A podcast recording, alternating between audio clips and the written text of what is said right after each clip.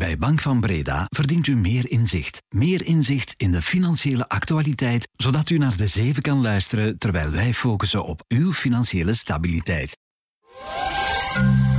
Welkom bij de zeven van de tijd. Dit is Lara Droesaert. Welkom bij deze De Zeven Extra. We gaan het hebben over de Amerikaanse voorverkiezingen.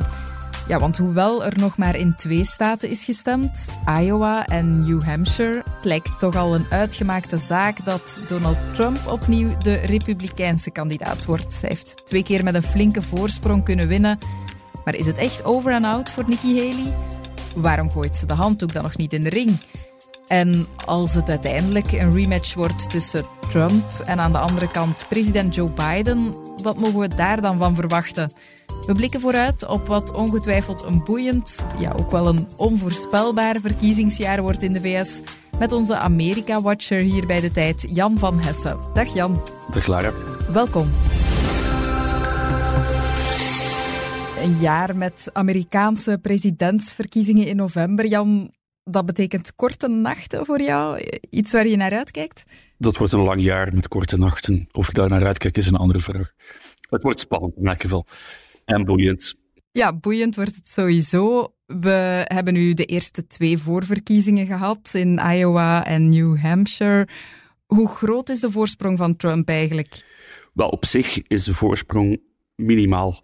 Uh, presidentskandidaten worden staat per staat verkozen. Elke staat krijgt op basis van zijn inwonersaantal een bepaald aantal delegates, delegatieleiders zeg maar.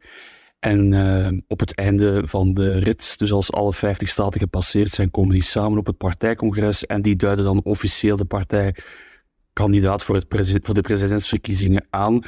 Uh, als je weet dat er een kleine 2500 delegates te verdelen zijn en in Iowa en New Hampshire er nog maar 60 uitgedeeld zijn, dan weet je dat er eigenlijk nog relatief weinig gebeurd is aan de andere kant. Uh, het is nog nooit gebeurd sinds de jaren 70 dat um, dezelfde kandidaat beide staten binnenhaalt. Dus die zin is historisch en het zegt veel over hoe sterk Trump staat en hoe weinig kans Nikki Haley eigenlijk nog maakt als enige overgebleven uitdager om hem nog te verslaan. Maar Haley lijkt voorlopig althans niet van plan om op te geven. Dat zei ze zelf ook in New Hampshire. Daar kunnen we eens naar luisteren. Now you've all heard the chatter among the political class. saying this race is over. Well, I have news for all of them. This race is far from over. There are dozens of states left to go. Thank you for the love, New Hampshire. We're going home to South Carolina. Nog heel enthousiast uh, om door te gaan Waarom wil ze dat doen? Wel, op zich heeft ze gelijk natuurlijk. Er zijn nog 48 staten, er zijn nog meer dan 2000 delegates te verdelen. Um, zij verwijst ook naar het feit dat het nu eigenlijk pas een tweestrijd geworden is tussen haar en Trump. Vorig weekend is Ron DeSantis uit de race gestapt. Mhm. Dus nu pas krijg je dat alle anti-Trump stemmen bij één kandidaat uitkomen. Keerzijde daarvan is, dan had ze wel in New Hampshire moeten winnen. Als er nu één stad is waar zij met haar naar republikeinse normen toch gematigd imago had kunnen scoren, was het New Hampshire, een stad die veel meer dan Iowa trouwens, uh, liberaler is, libertairder, waar ook onafhankelijke kiezers kunnen meestemmen aan de Republikeinse primaries. Nu, daar had ze moeten winnen van Trump. Simpel. Um, dat heeft ze dus niet gedaan. Meer nog, ze heeft met meer dan 11 procentpunt verloren van Trump. En dat voorspelt heel weinig goeds voor wat er nog zit aan te komen. De volgende voorverkiezing is in haar eigen thuisstaat, South Carolina, waar ze lang gouverneur van was. Zelfs daar peilt ze op zware achterstand bij Trump. Uh, daarna volgt Michigan, hetzelfde verhaal. En dan krijg je begin maart Super Tuesday, als er in 15 verschillende staten tegelijkertijd gekozen wordt, uh, onder meer in Californië en Texas, de twee volkrijkste staten van de States. Uh, dan staan er een derde van alle delegates op het spel. En ook daar voorspelde peilingen eigenlijk dat Trump het moeiteloos zal halen van uh, Nikki Haley. Dus in die zin lijkt het een beetje een uitstel van executie. Dat ze wil wachten tot na haar eigen thuis staat om de handdoek in de ring te gooien. Intussen lijkt het wel nog een, een bitsige strijd te worden. Um, Trump heeft Haley een imposter genoemd. Zij vindt dan weer dat hij alleen chaos creëert. We gaan eens luisteren. Who the hell was the imposter that went up on the stage before and like claimed a victory? She did very poorly, actually. She had a very bad night. With Donald Trump, you have one bout of chaos after another. This court case, that controversy, this tweet, that senior moment. You can't fix Joe Biden's chaos with Republican chaos. Ja, er zijn duidelijk wel wat uh, spanningen, kunnen we zeggen. Klopt. Eigenlijk als eerste en waarschijnlijk ook enige van de laatste of serieuze tegenkandidaten van Trump uh, geeft zij wat tegengas. Uh, reactie die je dan typisch bij Trump krijgt, is dat hij de Republikeinse partij als zijn partij ziet en uh, geen tegenstand duldt, of dat als een gebrek aan loyaliteit ziet. Nu, de strategie, de theorie van Haley komt er grosso modo op neer. Ja, Donald Trump heeft een onwrikbare band met miljoenen Republikeinse kiezers. Is enorm populair bij die partijbasis. Maar, althans dat denkt Haley, die basis is niet breed genoeg om bij een algemene verkiezing ook van uh, Joe Biden of een andere democraat te winnen. Dat zag je in 2020 al. En dat vreest zij nu ook. Uh, tegenovergestelde is dan weer dat Haley bij de partijbasis onvoldoende steun krijgt, maar dan door haar gematigd imago wel op bij een algemene verkiezing misschien meer kans maakt. Daar zit spanning in. Daar zit ook de, de discussie tussen beiden in, die inderdaad wel wat pitsig wordt. Haley verwijst inderdaad vooral naar de enorme juridische zorgen die Trump heeft. Eh, Promemorius is in vier verschillende strafzaken als eerste president ooit aangeklaagd. 91 aanklachten. Uh, dat gaat dus van uh, het betalen van zwijggeld tot het achterhouden van uh, presidentiële documenten, tot vooral zijn pogingen om de uitslag van 2020, toen hij verloor van Biden, om te keren. Met de beruchte bestorming van het kapitool als, als hoogte dan wel dieptepunt. -hmm. Daarnaast zijn er ook nog zaken rond seksueel misbruik, fiscale fraude en nog uh, waarschijnlijk twee zaken die voor het Hoge Rechtshof komen. Enerzijds pleit Trump als ex-president immuniteit te genieten. En de andere zaak is dat er in twee staten, Colorado en Maine, hij voorlopig uitgesloten is van deelname omdat hij net deelgenomen zou hebben aan opstand. Um, wat Trump dat weer in beroep heeft toen gaan waar het Hoge Rechtshof een uitspraak moet over doen. Hoe dan ook, voorstander, tegenstander, de chaos is er wel degelijk. Voor elke voorverkiezing is er bijna wel een dag dat Trump in de rechtszaal moet zijn. En daar verwijst Haley naar dat dat alleen maar chaos creëert, dat dat alleen maar afleiding creëert en dat dat vooral ook een stok is voor Joe Biden om, om, om uh, Trump mee te slaan tijdens de algemene campagne. Ja, en liggen daar echt nog kansen dan op die manier voor Haley? Hoe schat je dat in? Ik denk het niet, nee. Net omdat die partijbasis zo trouw is aan, aan, aan, Donald Trump.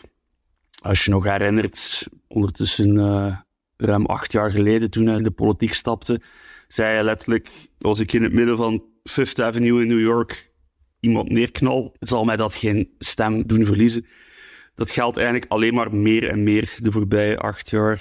Is amper nog iemand in die partij die hem tegenspreekt, nog in het parlement, nog in de voorverkiezingen zelf. op twee kandidaten na Asa Hutchinson en Chris Christie, die amper um, steungenoten bij de achterban. Is iedereen uh, die uit de race gestapt is, van Mike Pence tot Ron DeSantis, eigenlijk braafjes achter uh, Trump zich gaan scharen en hun steun uitgesproken voor uh, voor Trump. Uh, de verwachting is dat Haley dat op termijn ook wel zal inzien en ook zal doen. Ja, nu als we dan eens aan de andere kant gaan kijken naar de Democraten, daar zijn ook voorverkiezingen, maar daar blijven er geen belangrijke concurrenten voor Biden meer over? Nee, in de zin dat um, het zeer uitzonderlijk is, of eigenlijk nooit gebeurt, dat een zittende president binnen zijn eigen partij uitgedaagd wordt als hij aangeeft herverkozen te willen worden. Hij heeft dat duidelijk gedaan. Mhm. Er zijn natuurlijk grote twijfels over zijn geestelijke en vooral fysieke paraatheid. De man is ondertussen 81, is al de oudste president in de Amerikaanse geschiedenis. En als hij herverkozen wordt, ja, dan gaat hij richting de 86 als hij zijn tweede ambtstermijn zal uitdoen. Ehm, daarnaast is hij historisch onpopulair. Er is geen enkele naoorlogs Amerikaanse president die lager scoort op dit moment van zijn ambt. Zijn de, nou goed, drie jaar. Zelfs Trump niet uh, destijds. Om een ja, pleiade aan redenen. Het gevoel dat de economie niet draait, de identitaire discussie rond woke, uh, rond klimaatverandering, ook rond migratie, abortus. Als wat de, de hele polarisatie in de Amerikaanse politiek straalt geweldig af op Biden en verklaart deels zijn onpopulariteit eigenlijk. Mm. Maar er is niemand binnen die partij die hem voorlopig uitdaagt op Dean Phillips. Nou, dat is dan een, een weinig bekende um, politicus, een parlementslid uit Minnesota, die dit, uh, of deze week in New Hampshire uh, eh, 20% van de stemmen heeft gehaald, terwijl Biden iets rond de 70 scoorde. Wat best goed is als je weet dat Biden niet eens op het stembiljet stond om een technische kwestie. Ja, hoe kan dat? Wel, het Nationaal Partijbestuur had beslist om uh, niet langer de voorverkiezingen voor de Democraten te laten starten in Iowa en New Hampshire, omdat die te blank zijn, niet echt representatief voor het Amerika waar zij voor staan. Het lokale bestuur van de Democraten in New Hampshire was daar natuurlijk niet mee eens. Die hebben alsnog een voorverkiezing georganiseerd, waar Biden daar dus niet op stond. Alleen hebben de kiezers, wat kan in Amerika, zijn naam op het stembiljet geschreven en 70% heeft dat gedaan. Om maar te zeggen, Dean Phillips, de man die uh, hem uitdaagt, als je zelf daar niet kunt winnen van, uh, of, of dichter bij Biden komen, dan denk ik niet dat Biden zich veel zorgen moet maken. Ja, dan kunnen we er dus van uitgaan dat het uh, Trump en Biden worden die de race naar het Witte Huis inzetten. En die twee stonden vier jaar geleden natuurlijk ook al tegenover elkaar. Um, hun eerste debat in de presidentscampagne klonk toen zo. Will you shut up, man? Listen. You graduated either the lowest or almost the lowest in your class. Don't ever use the word smart with me. Fact is that everything he's saying so far is simply a lie. I'm not here to call out his lies. Everybody knows he's a liar. Trump die Biden dom noemt, omgekeerd is Trump volgens Biden een leugenaar. Wat mogen we nu van die campagne verwachten? Ook niet al te proper waarschijnlijk. Ik vrees hetzelfde van vier jaar geleden mhm. en nog tien keer erger. Uh, het moddergooien is nu al bezig en zal er ook niet op verbeteren, vrees ik. Um, je ziet dat beide mannen de aanval op elkaar verkiezen boven de verdediging van hun eigen standpunten na drie jaar en toch wel redelijk wat verwezenlijkingen pakt Biden eigenlijk niet uit met die verwezenlijkingen, met de miljarden die hij in infrastructuur gepompt heeft, met de miljarden die hij in klimaatmaatregelen gepompt heeft. Um, waarom? Omdat ze niet echt aanslaan bij de kiezer, die daar nog niet echt de gevolgen van voelen, ook van die infrastructuurwerken. Of zelfs van het feit dat de inflatie gezakt is, of de recessie uitgebleven is. Nee, het gevoel van malaise blijft nog altijd sluimeren, zeg maar, bij veel kiezers. Dus wat doet Biden is net als vier jaar geleden uh, waarschuwen voor Trump als een gevaar voor de democratie. Omgekeerd doet Trump hetzelfde over Biden. Je kunt hem zelden betrappen op een concreet beleidsvoorstel die hij straks zal uitpakken, behalve dan ja, zwaar inzetten op deportatie van illegale migranten, dat het economisch veel beter zal gaan met hem, zonder dan echt te zeggen hoe dat zal gebeuren. Nee, wat hij ook doet, is net zoals Biden hem beticht een gevaar voor de democratie te zijn, beticht hij Biden ervan een heksenjacht te voeren op hem en zijn vele kiezers. Dat verklaart ook die on, onwrikbare band met zijn eigen achterban en het geloof dat die juridische zorgen eerder een, een voordeel zijn voor hem dan een nadeel. Het is niet ondanks de juridische zorgen dat hij in Iowa en New Hampshire gewonnen heeft. Nee, het is net dankzij die juridische zorgen. Je zag het voorbije jaar al. Elke keer hij een nieuwe strafzaak tegen hem uh, kreeg, zag je Trumps voorsprong in de peilingen stijgen, zag je extra geld in zijn campagneteam gepompt worden. Waarom? Omdat net die achterban echt overtuigd is dat er een heksenjacht tegen een grote held gevoerd wordt. En dat, uh, dat die heksenjacht ook, dat verkoopt Trump ook zo, tegen hun gericht is, economisch, sociaal, identitair. Ja, dat wordt dus die, die, die campagne modder gooien. En dat is natuurlijk een zeer negatieve inzet van een, van een presidentscampagne. Ja, weinig inhoudelijke thema's dan Hoe zien de peilingen eruit voor Biden en Trump als ze het tegen elkaar gaan opnemen? Het is nog zeer vroeg uiteraard, uh, maar de peilingen geven voorlopig Trump een uh, voorsprong. En zeker in de zes cruciale swing states, al is dat één nog zeer vroeg en twee vaak ook binnen de foute marge. Wat ik daar wel wil uh, tegen inbrengen is dat um, ja, opkomst wordt, wordt, volgens mij een heel belangrijk issue bij de verkiezingen. Als je nog herinnert, in 2020 mm -hmm. um, had je historisch hoge opkomst. Biden heeft toen meer dan 81 miljoen stemmen gehaald, wat het hoogste aantal ooit is. Trump haalde er meer dan 74 miljoen, wat het op één na hoogste aantal ooit was. Ik vraag me af of dat dit keer herhaald kan worden als je weet dat Biden zo onpopulair is, maar ook Trump zeer onpopulair is.